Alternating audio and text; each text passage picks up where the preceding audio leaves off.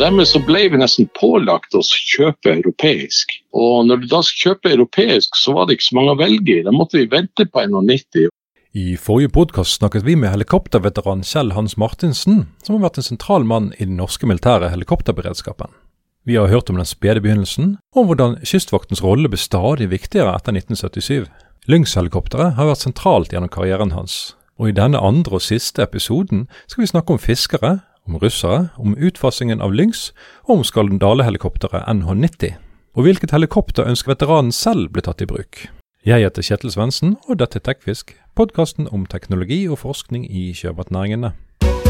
Eh, når vi da begynte å sette ned eh, inspektører på fartøy, så tror jeg det kom som eh, et lite sjokk på mange av fiskerne som opplevde det å se gråmalte fartøy på avstand til å kunne forholde seg til dem, enten på radar eller på optisk avstand. Så plutselig så kunne de risikere å bli inspisert ved at det kom to inspektører om bord i løpet av minutter. Og det er klart at det gjorde noe, tror jeg, både med eh, norske og utenlandske eh, fiskeskippere. Fordi at eh, det betydde at de måtte skjerpe seg i forhold til eh, å ha tingene på, eh, på, på stell. Og De aller, aller, fleste fiskerne er jo selvfølgelig lovlydige folk, men det finnes jo noen der som i alle andre yrker, noen få som ønsker å utnytte situasjonen til sin fordel og øke profitten. Og det er klart at Vi hadde på 80- og 90-tallet stor, en stor utfordring med uttak av fisk som, som ikke sto i stil med de kvotene som eh, fiskerne var tildelt. Og eh, ikke minst de russiske eh, fartøyene i eh, vernesonen rundt Svalbard eh, og rundt Bjørnøya til dels, men de var ikke så ille der som rundt Svalbard ellers. Bjørnøya er en del av Svalbard. Eh, de hadde ikke noe særlig sans for at vi kom om bord, eller at inspektørene kom om bord. Men Eh, etter mange år så har jo det normalisert seg. Og det viser seg jo at den norske fiskeriforvaltningen er jo i særklasse god, og som jeg tror man ser opp til rundt omkring i verden. Men operativt sett så, så var vi vel den første, så vidt meg bekjent, så var vi de første som drev med det, den type virksomhet. Altså sette ned inspektører på fartøy hele døgnet hele året. Uh, og, og, det har nok etter min mening bidratt i det virket som Kystvakten har hatt til å uh, uh, gi Eller skal vi si håndheve norske lover og jurisdiksjon og forvaltning av fiskeriene. Det har, det, det har aldri vært etter min mening så effektivt som det var på slutten av 80-, 90- og 2000-tallet. Da vi brukte helikopter aktivt i den rollen for å sette ned inspektører om bord. For Lynx eh, fløy jo frem til 2014. Ja. og eh, Hvis vi hopper litt tilbake tid fra det, så var jo du med i utvalget da prosessen ble satt opp for å erstatte akkurat eh, Lynx for Kystvakten. Det var fra 1992 utover. Ja, du vet, jeg må jo innrømme det at uh, dette er en prosess som starta helt tilbake til datoen 18.6.1992.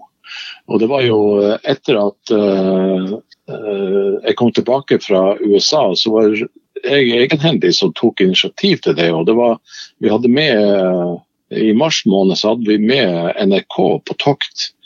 og Da sto jeg fram eh, rett og slett uh, på TV-en og sa at Lyngs er for lite. Altså liten kabinkapasitet, for liten rekkevidde, og det mangler avisingsutstyr på rotorsystemet. Fordi at vi har jo Som flygere så opplevde vi ganske mange hårete situasjoner oppe i nord uh, pga. Av ising i atmosfæren. Og, ja. og, Det ble tatt på alvor. Det ble tatt så alvor, på alvor at uh, det ble nesten umiddelbart, umiddelbart uh, anerkjent at dette var en problemstilling som vi måtte gjøre noe med. Og Jeg må jo innrømme at i bakhodet så, så hadde jeg jo erfaringer fra, fra Blackhawk, som er en fantastisk maskin. Og jeg vet jo at Seahawk, som også da var operativ eh, på slutten av 80-tallet, eh, det var en fantastisk maskin. Altså, jeg må innrømme at I bakhodet så, hadde, så jeg for meg at vi skulle klare å velge en sånn maskin til, til Kystvakten. Men det som skjedde var jo det at eh, Luftforsvaret så jo det at det var flere som ønska helikopterkapasiteter. Eh, blant annet eh, så, så, så de for seg at Hæren trengte større og bedre helikopterkapasitet. De skulle erstatte de gamle Oslo-klassen fregatter med nye fregatter, som i dag er Fridtjof Nansen-klassen. Og de trengte helikopter om bord, bl.a. for den ubåtsøkerkapasiteten som helikoptrene kan bidra med, pluss de andre eh, disiplinene som helikoptre skal gjøre eh, for uh, fregattvåpenet. Eller oppgavene som de skal gjøre for fregattvåpenet. Og i tillegg til at Kystvakten måtte ha nye helikoptre. Og i tillegg da så så man jo på at redningstjenesten trenger jo også nye helikopter. Og da så man for seg, og det var grunnen til at man kalte det for enhetshelikopterutvalget, fordi at det vil ha store eh, operative og tekniske fordeler hvis vi klarer å samle oss om én helikoptertype. Og eh, Så dere hadde et mandat ut fra en helikoptertype samlet? Ja, vi hadde det. Eh, vi så jo snart at eh, det var vanskelig å finne et helikopter som både kunne dekke redningstjenesten og de tre øvrige formålene, nemlig til Hæren, til fregattvåpenet og til Kystvakten. Slik at Ganske tidlig så, så vi det at vi klarer ikke å finne et helikopter som gjør eh, jobben også for redningstjenesten. I ettertid eh, så tror jeg nok det at hvis, hvis NH90 hadde levd opp til, til reklamen, for å si det slik, så kunne NH90 også vært brukt som redningshelikopter i dag. Men det er mitt personlige syn. Men jeg kjenner også de kravene som er utarbeidet for, for redningstjenesten. Men det er jo mitt personlige syn. Men i hvert fall så var det jo meninga at vi skulle kjøpe nye helikoptre. Og i mitt hode så, så ville både eh, Seahawk til fregattvåpenet og til Kystvakten og Blackhawk til Hæren og i dag spesialstyrkene, ville vært et suverent helikopter. Det, det ville gitt eh, lettere logistikk? Klart det på så mange områder. Pluss at eh, en annen viktig årsak til at eh, vi anbefalte Blackhawk og Seahawk, det er jo det at eh, alle flygerne på helikopter i USA utdannes på Blackhawk, på flyskolen der.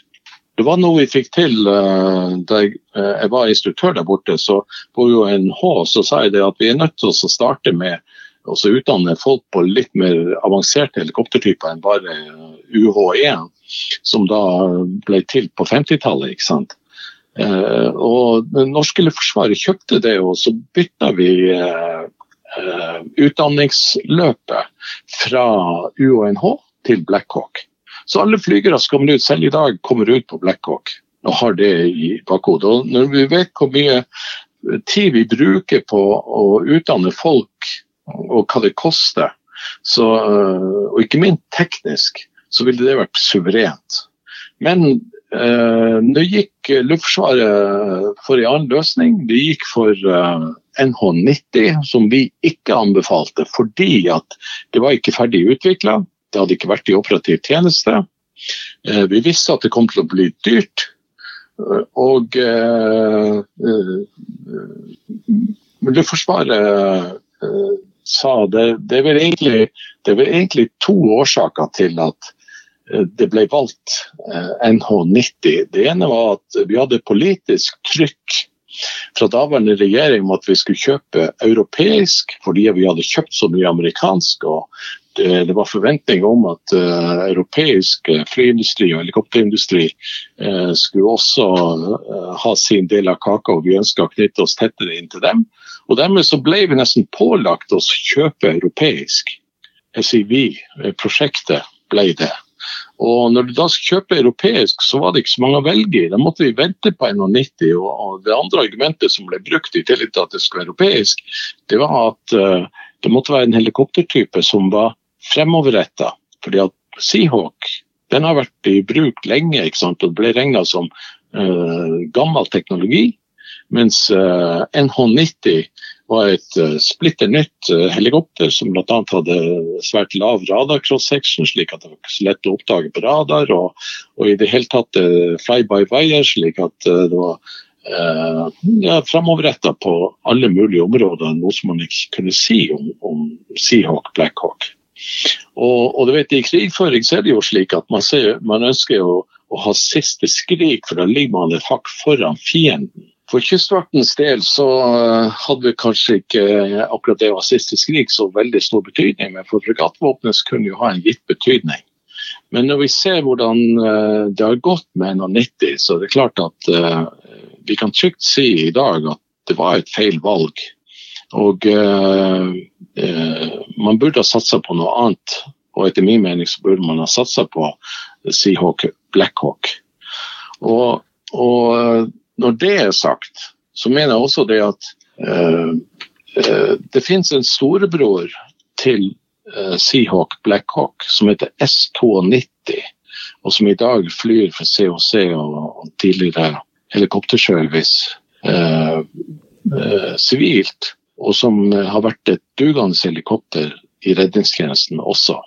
Og Da har man hatt en familiehelikopter som har vært mye enklere å forholde seg til for Forsvaret enn også eh, som i dag, og at vi har spredd ut over flere helikoptertyper. Redningstjenesten de valgte jo eh, AV101, altså SAR Queen. Ja, de gjorde det. Eh, og som jeg sier, eh, det, for dem så virker jo det som et riktig eh, valg.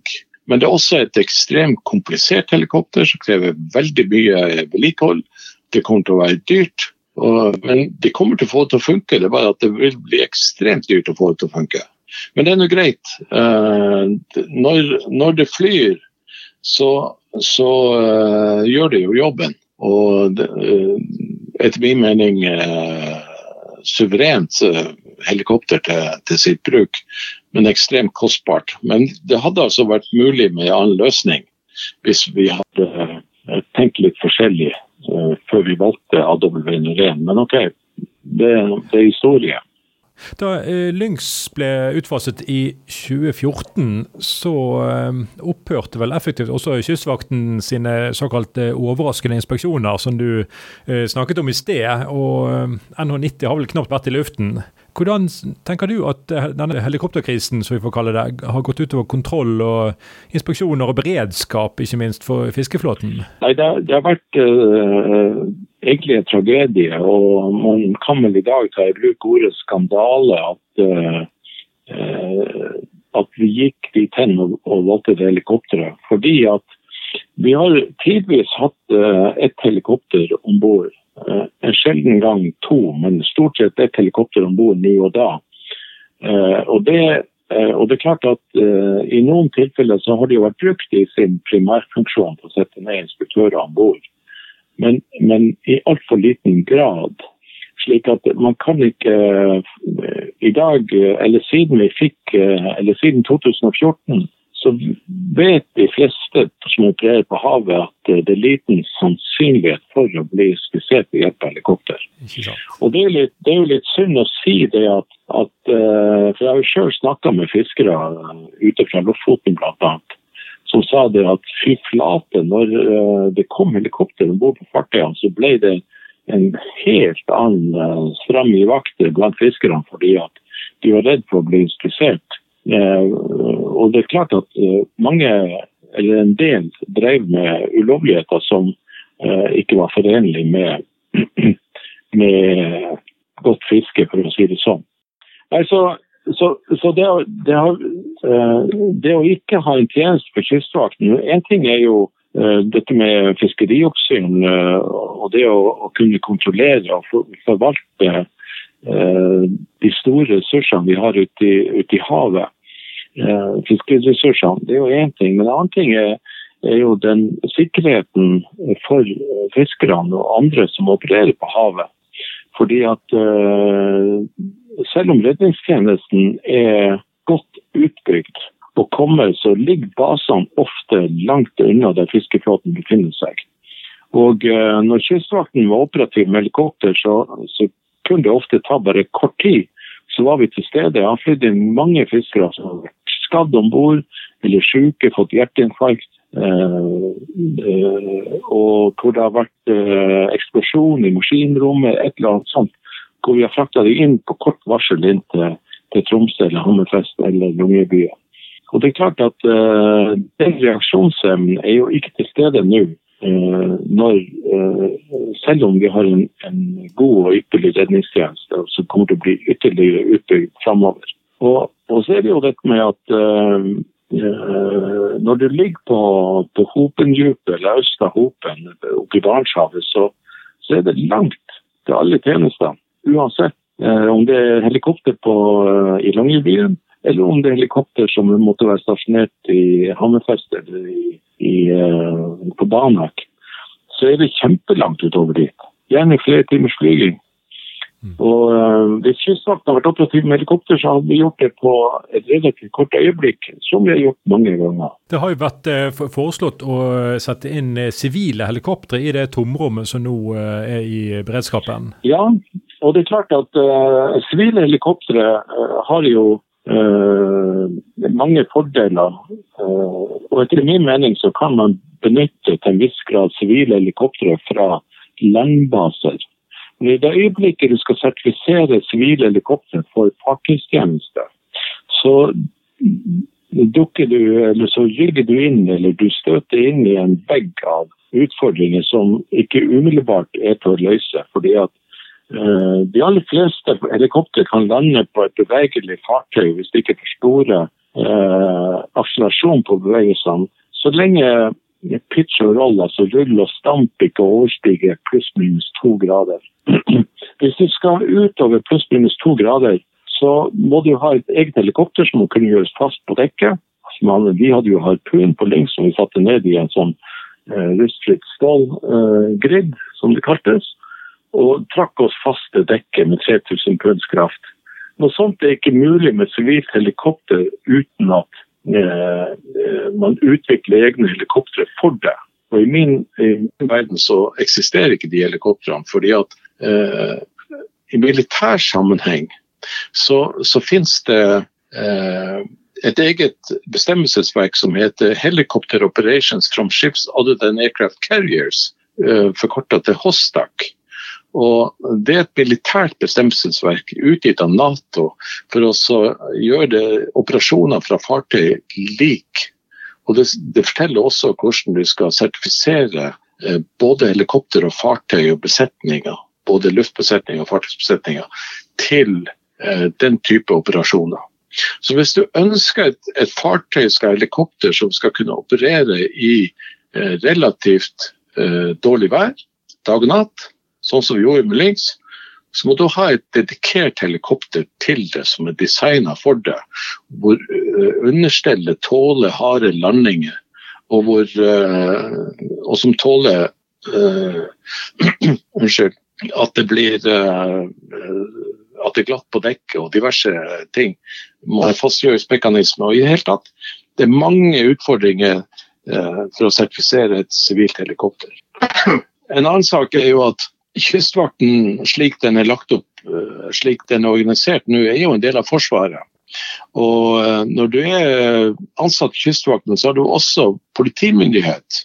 Og Det betyr at eh, fartøy som ikke følger eh, helikopterfartøysjefens ordre, f.eks. om å stoppe og, og hive eh, trålen, noe som jeg har vært med på flere ganger, eh, fordi at vi mistenker de å drive med noe ulovlig, så tilhører det den, den, eh, den uh, jurisdiksjonen som er gitt til Kystvakten gjennom kystvaktloven. Og Hvis de da møter et sivilt helikopter, så blir det en litt annen sak? Ja, i hvert fall potensielt. Da er det sikkert mulig å, å tilpasse slik at du kan gi det, det samme myndigheten til et sivilt helikopter. Men det er jo den biten, selve den lille biten av det. Men det er jo mange andre ting. fordi at Kystvakten er jo også en en, en militær avdeling som skal kunne opptre i krise og krig på gitte vilkår og med gitt utstyr. Og eh, Da er det plutselig vanskelig å se for seg eh, sivile flygere i en sånn sammenheng som skal være trent for, for det miljøet.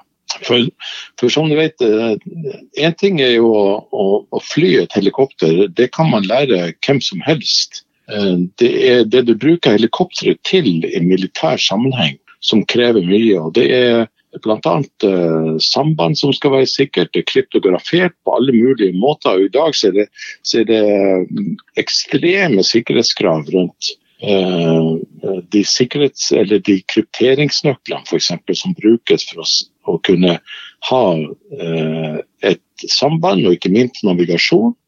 det er så mange ting hvor du må ha en militær dedikert besetning til å håndtere. Og Jeg ser ikke for meg at du skal få til det. Hvis du ser kun for deg en ren sivil, uh, et sivilt oppdrag, så er det mulig. Men uh, i det øyeblikket det går over på litt spissa situasjon, så uh, havner de utenfor den, den spesifikasjonen som vi forventer både av trening og av Eh, fysisk utstyr. Hvordan eh, ser du for deg en løsning på det tomrommet i beredskapen? Først så vil jeg jo si det at jeg er jo kjempeoverraska over at ikke man har allerede inngått avtale med ny helikopterleverandør for helikoptre til Forsvaret, eller til Kystvakten. Og fregattvåpenet til erstatning for NH90. Det burde vært gjort og lagt i kulissene. Så i det øyeblikket man stopper avtalen på 91, så burde man ha vært sendt personellet både operativt og teknisk rett over for å trene med om så utenlandske avdelinger for å få uh, tilstrekkelig erfaring til å kunne bygge opp uh, en avdeling med en ny helikoptertype. Du får vel også den uh, badekareffekten som du nevnte tidligere? Ja, du gjør det, men det er klart at den badekareffekten eh, Hvis du kjøper kjent teknologi, så blir ikke, så blir ikke endene på badekaret så høye. Ikke sant. Spesielt å begynne med. For, uh, men det er klart at uh, en del vil jo få, du kommer ikke bort ifra det. Men uh, ved å kjøpe kjent teknologi som har vært prøvd gjerne i krig før, og har vært operativ i, i, i mange år, så unngår du de verste bøygene, og at du blir stående på bakken. Og Nå tenker du fremdeles på Blackhawk og Seahawk? Ja, jeg gjør det. Fordi at uh, I mitt hode så finnes det ikke noe andre alternativ i øyeblikket. Selv om det er et relativt gammelt helikopter. Men du vet at uh, man, uh, man setter jo ny teknologi inn etter hvert som helikopteret har vært utvikla. Slik at du har moderne radioutstyr, moderne autopilot, eh, moderne radarutstyr. Eh, alt som du måtte trenge. ikke sant? Og rent militært utstyr, så blir det jo stort sett det samme. Eh, men, men det er fullt mulig. Hvis du, hvis du, er kjent med det, så er B-52 som fløy i Vietnamkrigen, det store bombeflyet til amerikanerne, det flyr jo enda, og det er planlagt å fly til i hvert fall 2070. og De har bare bytta innmaten i det. Oppdatert motorene og litt sånn forskjellig. Så, så, etter min mening så ville Seahawk Blackhawk ha gjort jobben i mange år fremover. I hvert fall til vi har fått et, et annet eventuelt nytt helikopter på, på beddingen om titalls år. Og alt er jo faktisk bedre enn ingenting. Ja, ja. ja. Hadde vi, eh, vi bestilte jo eh, I 2001-2002 bestilte vi gjennom 90. Hadde vi da bestilt eh, Seahawk, så hadde han vært operativ i 2005, senest 6.